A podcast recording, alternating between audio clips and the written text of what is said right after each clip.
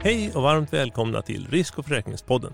Denna vecka har vi en gäst i studion. Johan Forsgård, chef för Willis Towers Watson i Sverige. Varmt välkommen till poddstudion Johan. Tack så mycket Georg. Till en start här, kan du berätta lite om dig själv? Ja, var ska jag börja? Eh, jobbat i försäkringsbranschen i snart 14 år. Hela tiden eh, i branschen på, inom Willis Towers Watson. Innan det så, så var jag bankjurist i några år.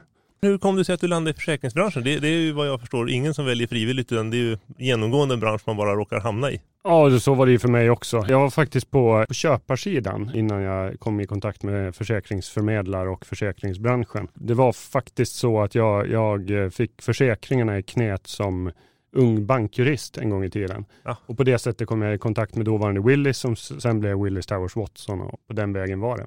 Men, men då har ju du efter 14 år hygglig koll kan man säga på vad som händer i, i branschen. Vad, vad är det stora som händer just nu?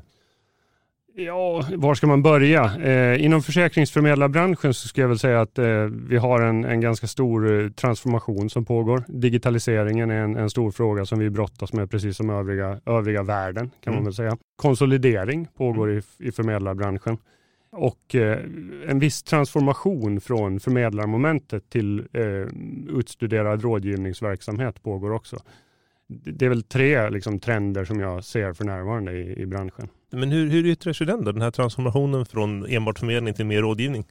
Jag, jag, tror så här att det har att göra med de globala trenderna. Vi liksom möter en mer komplex värld. Vi möter en mer globaliserad värld. Vi möter en, en värld där där digitaliseringen gör att exempelvis transportkedjor blir eh, långa. Man vill ha mindre lager. Klimatförändringarna innebär utmaningar för verksamheter. Digitaliseringen med cyberattacker utmanar företag och privatpersoner.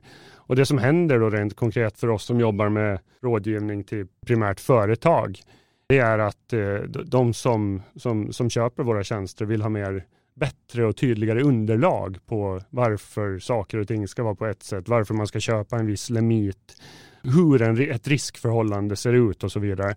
Och det i sin tur leder till att förmedlarmomentet som sådant kanske blir lite mera underordnat och den rådgivning och riskförståelse som vi kan bidra med höjs ur, ur ett prioritetsperspektiv. Så händer det att ni bara gör rådgivningsdelen men eh, i slutändan inte placerar någon risk? Det händer absolut. Eh, det händer att vi jobbar med skadeförebyggande rådgivning. Det händer att vi jobbar med, med så kallad Enterprise Risk Management utan att vi i förlängningen alltid placerar en försäkringslösning.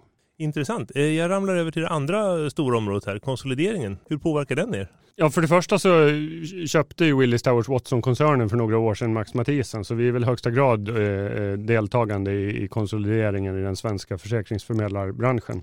Ja, det är lite ert fel det här helt enkelt. Ja, nej, jag skulle inte kalla det fel, men, men kanske förtjänst rent av. Nej, nej, skämt åsido. Tittar vi på, på vår verksamhet, vår liksom samlade verksamhet i Sverige, så är väl Max Mathisen den som bidrar mest eh, till konsolideringen ur, ur vår koncerns perspektiv i, i dagsläget. Men däremot så tittar man på branschen som helhet i Sverige så, så skulle jag väl säga att antalet förmedlare blir färre. Mm. Eh, men jag tror däremot att vi samtidigt kommer att se att det skapas nya förmedlare i den här ekvationen också. Mm. Konsolideringsvågar tenderar att göra att, att nya verksamheter uppstår med personer som kanske inte vill jobba i de globala koncernerna och, och kanske vill ha en mer självständig tillvaro än, än vad en, en, global koncern i vissa sammanhang kan, kan erbjuda. Det mm. finns nackdelar och fördelar med, med strukturerna. Ja, antalet företag minskar, men skulle du säga att, att antalet eh, fysiska förmedlare är ungefär oförändrat? Ja, jag tror att siffrorna pekar på det. Om vi pratar ur ett sakförmedlingsperspektiv så tror jag att, att det är hyfsat oförändrat. Möjligtvis en viss tillväxt, men jag tror inte att det är en, en jättestor tillväxt. Jag tror att på livsidan så tror jag det har varit en viss tillväxt eh, de facto, men, eh, men jag har inte de siffrorna helt Nej. klara för mig. Nej, nu har det ju varit en, en konsolideringsvåg ganska länge här. Finns det, finns det några roliga förmedlare kvar att köpa för er del? Det, det, skulle det nog absolut finnas eh, och vi tittar hela tiden på möjliga förvärv. Eh, samtidigt som vi kan, kan säga så här att vi har en, en, globalt sett väldigt hög marginal för verksamheten. Vårt företag så innebär det rent konkret att det är ganska svårt att hitta verksamheter i Sverige som uppnår de kriterier som koncernen ställer på förvärv. Men vi kommer inte att sluta titta för den sakens skull, utan dyker det upp en rätt match där, där värderingar, kultur, eh, eh, sättet att driva verksamheten och lönsamheten är rätt så kommer vi absolut att, att försöka få gehör för förvärv i framtiden också. Okej. Okay. Just det, nu, nu i konsolideringsvågen här, konkurrensen, hur har den förändrats på förmedlarmarknaden? Det beror lite på vilket segment man pratar om. Om du mm. pratar liksom storföretag, eh, mindre företag och så vidare så ser det ganska olika ut. Ja, såklart. Men om vi, om vi tittar först och främst på, på industriförsäkring. Mm.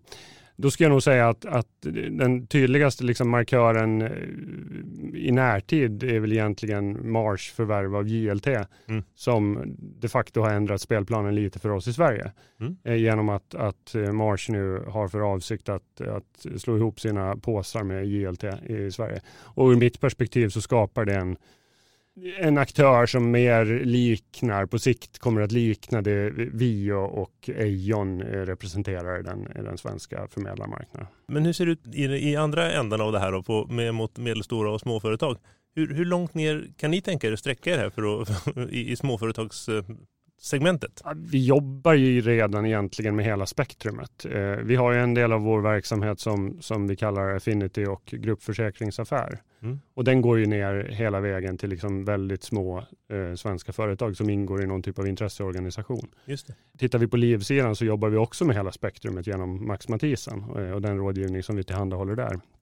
Så jag, jag skulle nog säga att, att vår ambition är att fortsätta jobba med, med hela spektrumet men vi har definitivt för avsikt att växa inom, inom eh, mellanstora och mindre företagsförsäkring över, under, över de kommande åren. Mm. När det gäller mindre företag, ser ni där, eh, är det portföljupphandling som gäller där eller, tänker ni även, eller tar ni även enskilda? Vi har redan portföljer och produktlösningar som vi, som vi har jobbat med sedan tio år tillbaka. Ja, just det. Jo, men portföljen kände jag till. Men bryter ni även ut så ni kör små enskilda företag? Det gör vi också, men det gör vi i dagsläget primärt genom eh, sakförmedlare inom Max Matthiessen. Sen någonting, någonting som faktiskt har, har drivit konsolideringen här, det är ju, det är ju IDD och eh, regelverksiven här. Eh, hur påverkar det er? Rent konkret så tycker jag att eh, IDD egentligen är ganska bra. Eh, mm. en, ett tydliggörande kring, kring granskning av kompetens och eh, utbildning av eh, förmedlarbenet i, i Sverige det som har varit ganska godtyckligt historiskt som jag bedömer det i hur man har liksom bedömt relevant kompetens hos medarbetare. Rent praktiskt så har vi skickat hela vår förmedlarskara genom tester. Mm. Vi har valt Insuresec i, i vårt fall. Eh, det finns andra alternativ på marknaden också. Vi har valt den vägen. Har väl för avsikt att fortsätta med den, den inriktningen. Och i tillägg till det så, så kommer vi rent praktiskt att säkerställa de 15 timmars utbildningskrav som, som regelverket ställer på oss i, i Sverige framgent. Jag tycker det är bra. Det är ingenting som, som vi inte har gjort historiskt. Nej. Men det, kräver, det ställer krav på en annan typ av dokumentation eh, mm. ur vårt perspektiv eh, från och med nu. Har det, har det varit bra? Det, det, lite grann den här självregleringsiven var ju för att få bort eh, ja, de, de ruttna äpplen ur korgen. Har, har det blivit så? Känner du? Alltså, jag, jag, gör inte bedömning, om vi nu pratar sak, eh, ja. jag, där, där tänker jag inte kommentera livsidan. Eh, nej, jag, jag, det, det, det sägs ju så, men eh, jag, ska låta det vara osagt för jag har, inte, jag har inte koll på det. På saksidan ska jag inte säga att det är så mycket ruttna äpplen egentligen, utan nej. jag tycker i grunden så finns det en ganska bra förmedlarkår i Sverige på saksidan som alla vill göra ett väldigt bra arbete för, eller många, de flesta såklart vill göra ett väldigt bra arbete för sina, sina uppdragsgivare. Mm. Bra. Ja, vi kastar oss in på nästa eh, svåra område. Eh, ni är med och, eh, och arbetar med den här standardiseringen XML for SAK tillsammans med SFM. Ja, hur går det helt enkelt? Jag får medge att jag faktiskt inte har detaljkunskap, men vi har medarbetare som är involverade i det här. Jag, jag ser väl i, i grunden så är jag för att vi kan standardisera filöverföringar mellan eh, förmedlarled och, och försäkringsbolagen. Kan vi eliminera att vi sitter och skickar pdf-dokument eller Excel-listor fram och tillbaka som tenderar att kunna vara upphov till fel, felaktigheter så tycker jag det är jättebra. Så ja. eh, vi, vill gärna, vi vill gärna bidra så mycket vi kan till att, att åstadkomma en, en digitaliseringsförbättring. Ja. Ja, vi jobbar oss vidare här med, med Brexit. Vad, hur påverkas ni av det? Jag, jag, var ju i London för några år sedan och, och besökte Willis Building. Um, hur mycket folk blir kvar där? Eh, det, det, kommer nog att bli väldigt mycket folk kvar där. Ja. Eh, är, är, det i förhoppning att det blir ett väldigt bra avtal för, för England här? Eller? Jag, jag, Min grundtro är att marknadskrafterna har en förmåga att hantera sådana här saker över tid. Mm. Hur det än är så är England en, en marknad som jag tror att eh, den Europeiska unionen, vare sig England ingår eller är utanför den, kommer att vilja handla och eh, samverka med i framtiden. Så att eh, vi har såklart förberedelseåtgärder för hur vi ska liksom hantera en, en hård eller en mjuk Brexit. Mm. Eh, och, och vi har ju verksamheter som kan hantera eh, placeringar mot Lloyds och andra marknader som teoretiskt kan påverkas av det här. Vi har gått igenom hela vår, vår kundportfölj eh, där det finns exponeringar mot, mot Brexit och England. Men just nu så är det, liksom, är det wait and see eh, lite ur vårt perspektiv baserat på utfallet av den kommande omröstningen. Mm. En helt annan sak. Jag har ju också hängt här i branschen i 13 år, så det är betydligt kortare tid än du. Men eh, det här fördelningen mellan vad förmedlare och försäkringsgivare gör, eller det har ändrats lite grann. Du tänker då på liksom vilken andel man tar i värdekedjan? Exakt så. Ja. Ja, det, det, har det väl gjort och delvis har det väl, har det väl skett eh, baserat på att eh, försäkringsbolagen har ju också besparingskrav och, och skär i sina organisationer vad man gör. Och, och, I vissa lägen så har försäkringsbolag aktivt velat liksom ge sig, göra sig av med en del administrativa sysslor och, och därmed eh, varit rätt glada att försäkringsförmedlarledet vill ansvara för policy, alltså försäkringshandlingsutfärdande och fakturering och så vidare. Jag, jag, tror att vi kommer att se en massa varianter på det här. Jag tror vi kommer att se de förmedlare som vill fortsätta jobba med en, en väldigt tydlig förmedlarroll och enbart göra det man gör i det mm. och eh, hänskjuta mycket av administrationen eller all administration till försäkringsbolagen. Och jag tror att vi kommer att se de, de som, som, som vill ta över en hel del av den värdekedjan. Inom vår Affinity-verksamhet så jobbar vi med att ta över ganska mycket av värdekedjan. Mm. Inom, inom det vi kallar corporate risk and broking, alltså traditionell eh, sakförmedling för företag, så ser det lite mer traditionellt ut. Mm. Med undantag för våra produkter och, och liksom, eh, eh, panellösningar där, där vi har en hybrid i det, i det sammanhanget. Okay. Så att jag, jag, tror inte att du kommer att se en tydlig linje på det. Jag tror du kommer att fortsätta se varianter i marknaden. Ja. Nej, för jag, jag vet att det, för några år sedan så var det flera försäkringsgivare som, som oroade sig lite för att de bara skulle bli en stor påse pengar till slut. Men, men du ser inte riktigt att det är den vägen det går? Nej, och vissa försäkringsgivare vill ju vara en stor påse pengar. De vill vara en, en, en risk, eh, alltså en, en kapacitet mm. eh, och vill inte göra så mycket annat. Eh, jag menar, det finns eh, utländska försäkringsgivare som vill ta sig in på den svenska marknaden mm. och då söker man aktivt upp eh, agenter som kan företräda dem. Och det är agenter i den svenska marknaden är formellt ett, en förmedlarlicens. Mm. Som jag sa, jag tror att du kommer att se hela spektrumet fortsättningsvis också. Ja, jag växlar ämne igen. Här ska det gå undan. Cyber, det är ju, eh, det är ju svårt att blunda för det. Vad, vad händer inom det området? Det är ju ett område som jag bedömer att ha, eh, jag vet inte om man kan kalla det exploderat de sista kanske två åren, men, men från att ha varit ett område där många företag har varit så här, man vet inte riktigt hur man ska förhålla sig till exponeringen. Ska man köpa försäkring eller inte? Så eh, är det väldigt många företag idag i Sverige som aktivt vill ha en försäkringslösning på, på det området.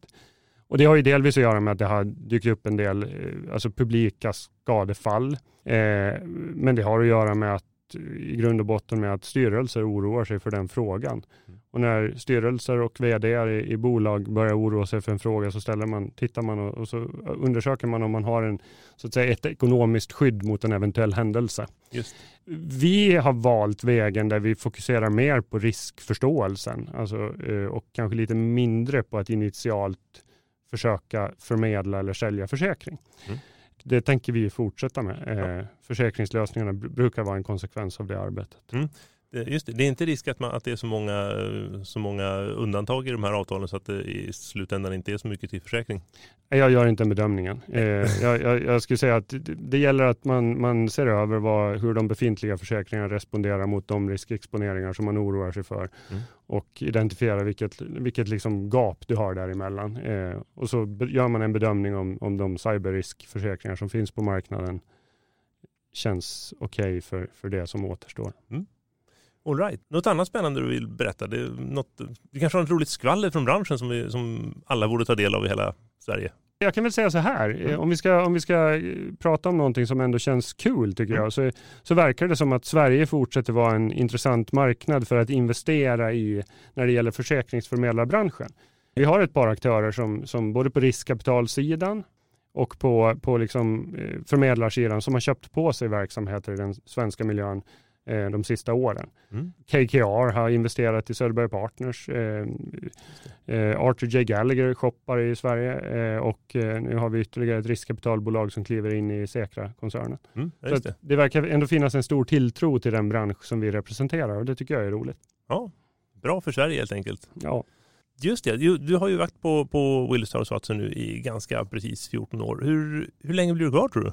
Så länge jag tycker det är kul och, och det är utvecklande och utmanande för mig. Och det, det, det får jag lov att säga. Det, jag kan nog räkna antalet dagar som jag tyckte har varit mindre kul på, på mina två händer mm. eh, under de här åren. Och, och de dagarna har varit mer svåra än liksom tråkiga. Så det har varit tuffa saker som man har behövt ta i. Mm. Jag har ingen avsikt att, att dra mig någon annanstans så länge jag, jag trivs i, inom, i den roll och den för, det företag som jag befinner mig i. Mm. Bra. Jag eh, avslutar lite här med, med tio snabba personliga frågor som man får örnens koll på var du är och varför fattar du exakt de här besluten som du gör. Okej. Ålder? 40. Det är inte mycket. Nej. Familj? Fru och son. Ja. En son på tio år. Bostadsort? Täby. Fritidsintresse? Skidåkning, skärgårdsliv, löpning. Mm. Senast lästa bok? Jag läste eh, Reinfeldts Halvvägs. Det var den sista boken jag läste. Okej. Varför bara halvvägs? Ja, den heter så. Jaha, du tänkte så. Ja. Bra, det visar att jag inte har läst den överhuvudtaget och inte ens kände till den. Favoritmaträtt? Nej, det är en, en, en, det, här är, det här är extremt eh, mot alla så klimat aspekter, men en sån god köttbit med, med lite sallad och en, en bra bea som man gärna slår själv. Så det är ah. så gott rödvin till det. Mm. Men inte valkött eller något sånt där? Nej, Nej. Nej men då inget, alla säger att man får inte äta rött kött i dagsläget. Så det, men jag, jag får, man får blanda upp det med annat istället. Mm. Ja. Favoritdryck? Rödvin ska jag säga att det är favoritdrycken. Mm. Är det något speciellt märke som du... Ja, just nu är det, eller det har varit en period faktiskt. Jag är en spansk eh, region som heter Priorat. Eh, mm. producerar väldigt bra rödviner. Bra, får kolla på det. Vilken musik lyssnar du helst på? Tråkigt nog, eh, och det ska alla mina kompisar säga, så kan ingen av dem definiera vad jag har för mu musiksmak och, och, det kan nog ligga någonting i det. Jag lyssnar väldigt mycket på så här populärmusik, eh, mm. Spotify, eh, spellistor, väldigt blandat. Ja. Tråkigt svar men ett ärligt. Ja, mycket bra, det är så det ska vara. Favoritfilm eller favoritserie? Olika serier på Netflix eh, tycker jag är, är grymt eh, bra och avkopplande att titta på. Eh, favoritfilm? I men jag har faktiskt tittat igenom hela, hela serien, eh, hela den här Marvel-serien ah. med min son. Oh. Och tyckte de var grymt bra. Ja, kul och dessutom otippat. Ja. Favoritresmål? Ja, men nu, just nu ska jag säga skidsemestrar generellt, vintersemestrar. Eh, sen spelar det mindre roll egentligen vart det bär av, men, men får man stå på ett par slalomskidor så, så tycker jag det är väldigt härligt. Bra. Ja, då hoppas jag att du snart får stå på ett par sådana. Jag hoppas förut själv att jag snart får stå på ett par sådana också. Och eh, där eh, knyter vi ihop säcken för den här gången tror jag. Så att eh, nästa vecka så är Jonas och jag tillbaka i studion som vanligt. Eh, tack för att du kom hit Johan. Stort tack, jättetrevligt att vara här. Ja, bra. Producent för podden var som vanligt Julia Siverts och jag säger på återhörande nästa vecka.